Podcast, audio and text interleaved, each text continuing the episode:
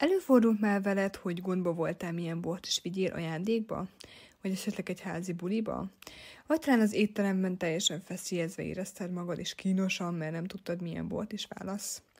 Üdvözöllek a Tanúi a Borokról boltkezdben. Egy boltkezdben, amely nem csak a borról szól, de rólad is, hogy számodra elérhetővé tegyem a tudást, melyet bárhol kamatoztatni tudsz. Tekints engem egy olyan zsebszomeliernek, és hagyd, hogy segítsek neked meghozni pár döntést. Szeretném, ha magabiztosabban mozognál a borok virágában, és hogy ne nagyon érezd magad gölcsösen, amikor a borokra telelődik a szó.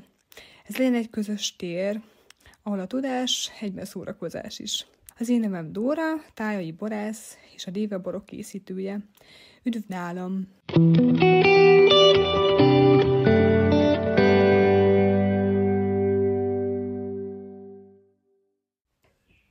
Üdv egy újabb podcast epizódban. Ebben az epizódban az üledékekről lesz szó a palackban, amit általában az emberek nem szívesen látnak, vagy tapasztalnak, amikor felbontanak egy üvegbort, és ez általában szerintem attól abból adódhat, hogy az emberek nem igazán tudják azt, hogy milyennek az oka, és hogyha tudnák azt, hogy ez a, ezek az üledékek miért is vannak a palasztak az alján, akkor, hogy miért alakulnak ki, akkor szerintem sokkal megértőbbek lennének, és sok mindenki jobban fogyasztaná, vagy kellemesebb érzéssel fogadná ezeket a borokat. Éppen ezért szerintem is fontos, amikor az ember felbont egy palackot, és beszéljünk erről, hogy mik is ezek az üledékek a palackokban, beszélnünk el egy kicsit az idős borokról, amikor, amikor valaki évekig tárolgatja a kis boltgyűjteményét, vagy egy vitrínben, vagy a szekrény tetején, vagy akár a pincében is, vagy akárhol, és felmondja, és, és nem azt tapasztalja, amit egyébként nem azt ízleli, amire egyébként számított, vagy elvárt, és éppen ezért ezeknek megvan a maguknak a okai, és éppen ezért erre gondoltam, hogy egy rövid podcastben most ezt tisztáznánk. Ugye a palackozott borokban néha kiválás, illetve ledék jelenik meg. Ugye a fehér borok esetében hosszú ideig történik a maga az érlelés, vagy túl hidegben. Ez akár a hűtőszekrényben, hogyha tároljuk a bort, vagy akár, akár lehet persze pincében is, vagy spájzban, vagy akárhol, vagy kamrában akkor a palack alján ilyen kis üvegszerű, apró kristályos anyag jelenik meg. Ez nem más, mint a borkő. Hát ezt a, ez a borkősav kiválását okozó, tehát hogyha nagyon hosszú ideig alacsony hőmérséklet hatására a borban lévő borkősav, tehát ugye a, a bornak a fő sava, ez egy, ebből kiválik egy úgynevezett kálium-hidrogén tartalát, ezt nevezzük borkőnek. Amitől a bor igazából ö, valamelyest a, a sav tartalma valóban csökken, de egyáltalán nem befolyásolja az ízérzékét, illetve nem, nem befolyásolja a bornak a ízérzetét, aromáját és semmit. Ez az üledék általában ugye vízben oldhatatlan és íztelen, tehát éppen ezért nem is, nem is okos semmilyen elváltozást a borban. Mégis valamiért úgy gondoljuk, hogyha meglátunk egy ilyet a palacka alján, vagy, vagy a poharunkban, mert hogy általában azért a, fehér borokat nem szoktuk dekantálni.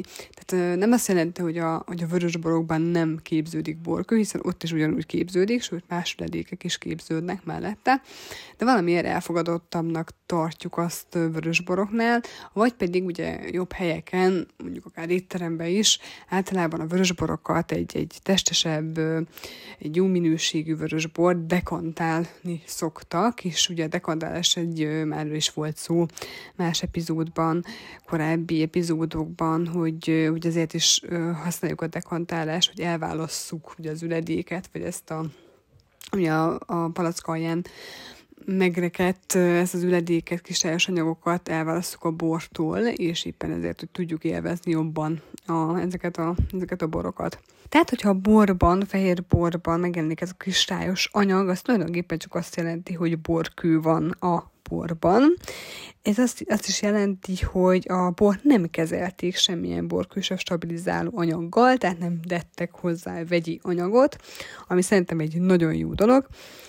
Mégis ugye egyes fogyasztók ezt hibának vélik, holott egyébként ez teljesen természetes folyamat, és modern borászatokban a borkő kiválás megelőzésében megelőzéseképpen úgy stabilizálják a, a borokat, hogy, hogy hidegkezelik ezt az eljárást, nevezük hidegkezelésnek.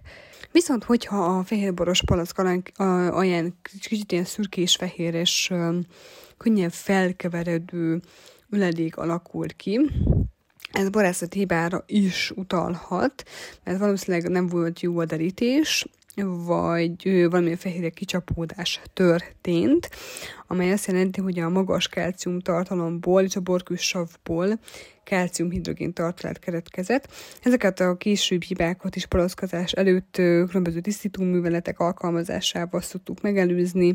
Ugye ezért is van az, hogy derítünk, aztán pedig szűrjük a bort, hogy ezeket, ezeket a fehér darabokat, ezeket a üledékeket el tudjuk távolítani.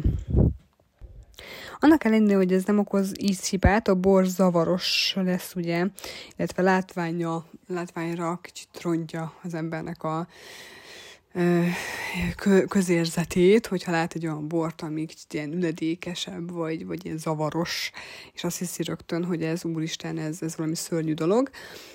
Borok palaszkainek is, mint mondtam, vannak ilyen üledékei, amik, amiket már nagyjából a fogyasztók nagyjából elfogadtak. Ez egyébként a polifenolok kondenzációjából is adódik, illetve maga ugye a borkővel össze összekeveredik, és éppen ezért ez az üvegszerű borkistályokkal összekeveredik, és éppen ezért ezt egy kicsit jobban tudjuk elfogadni. Újabban megjelentek ezért a szüretlen borok is a kínálatokban, nem csak a natúlborosok, de akár mondjuk akik ilyen kézműves borokat készítenek, azok is törekednek arra, hogy szüretlen borokat készítsenek.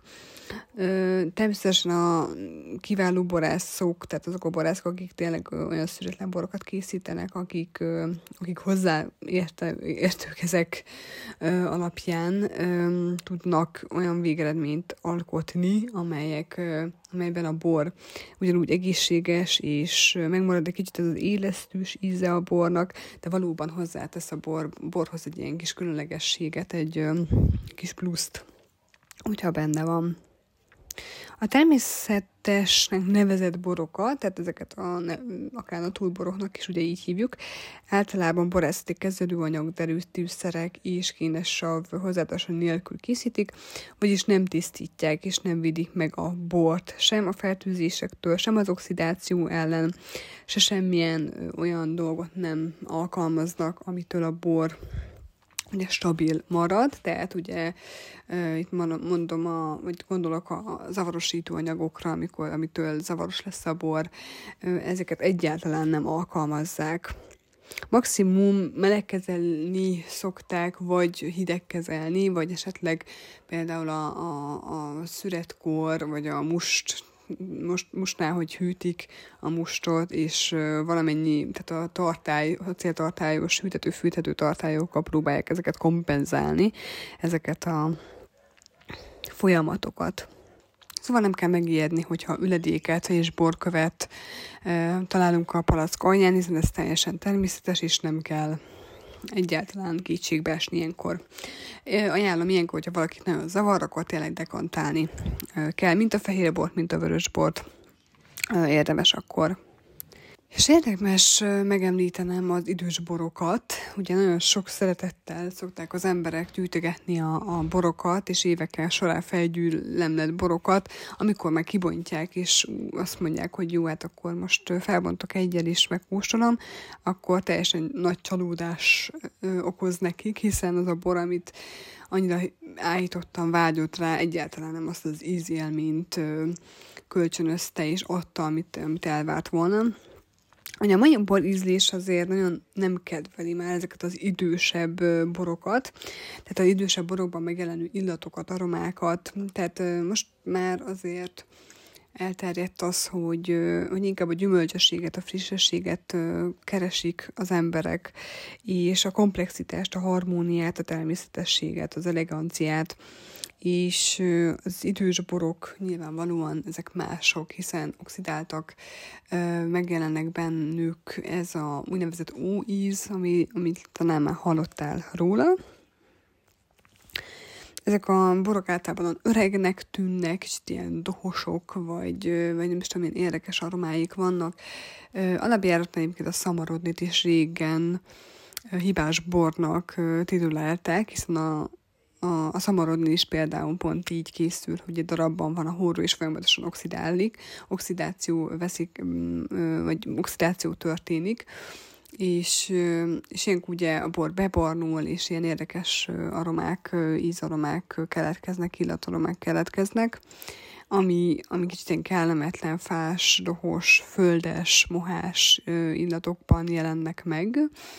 Hát alapjáraton természetesen a, a zóborokban a savszarkezet is gyengül, illetve az aromaanyagok is, elsőleges aroma, eltű, elsőleges aromák eltűnnek, és a fehérboroknál oxidáció következtében a színük bebarnul, és ízeiben többnyire ezek, a, ezek az oxidációs anyagok folyamatokra jellemző oxidációs anyagok jelennek meg, esetleg egy kis acetaldehiddal, ilyen kicsit elreszelt alma, emlékeztető aromák, vörös borokban pedig inkább a taninok polimerizációja kevésbé érezhető, sőt, kicsit ilyen egy részük ledék formájában kiválik a palack aljára, ugye kevés mennyiségben illó fenolok is keletkeznek, és a vörösboráknál az idősödés inkább abban nyilvánul meg, hogy kicsit ilyen bebarnul.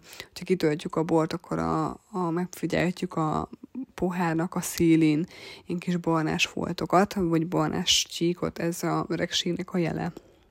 Tehát idős boroknál, boroknak a fogyasztásánál számolni kell azzal, hogy bennük teljesen más ízek jelennek meg, és pont azért, mert ez hosszú palacban tartás közben ettől függetlenül a bor tovább él, és, és akár amellett, hogy szokatlan ízek, anyagok alakulnak ki, még attól még lehetnek akár mellette illat, illatok, vagy felfedezhetünk bennük valami kis kecsességet, valami kis teljességet.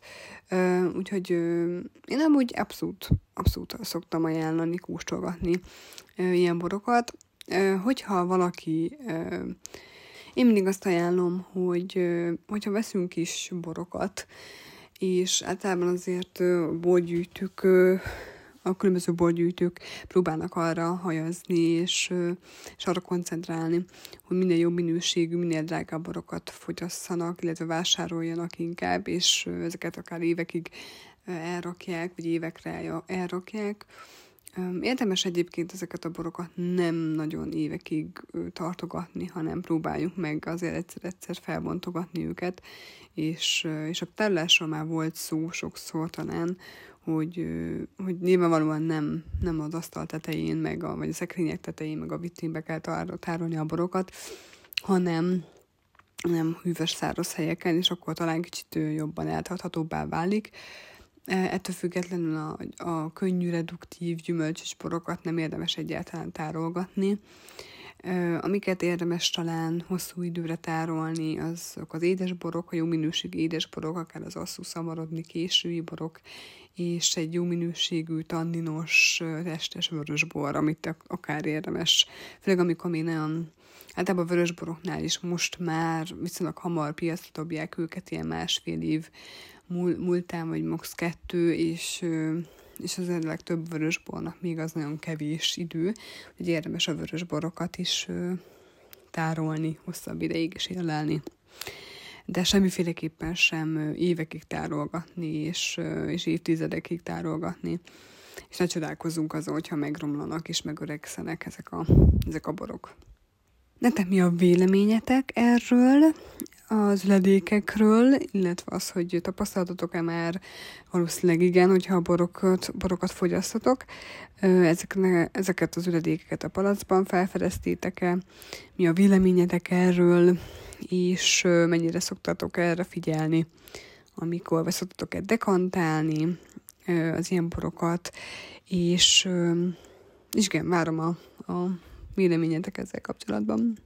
A következő epizódban pedig a bor élelése hordóban lesz a, a következő témánk, ami szintén nagyon izgalmas szerintem. Főleg, hogy én is most vásároltam régebbi hordókat, régebbi új hordókat, úgyhogy lesz miről beszélnem. Úgyhogy majd visszatok a következő epizódban.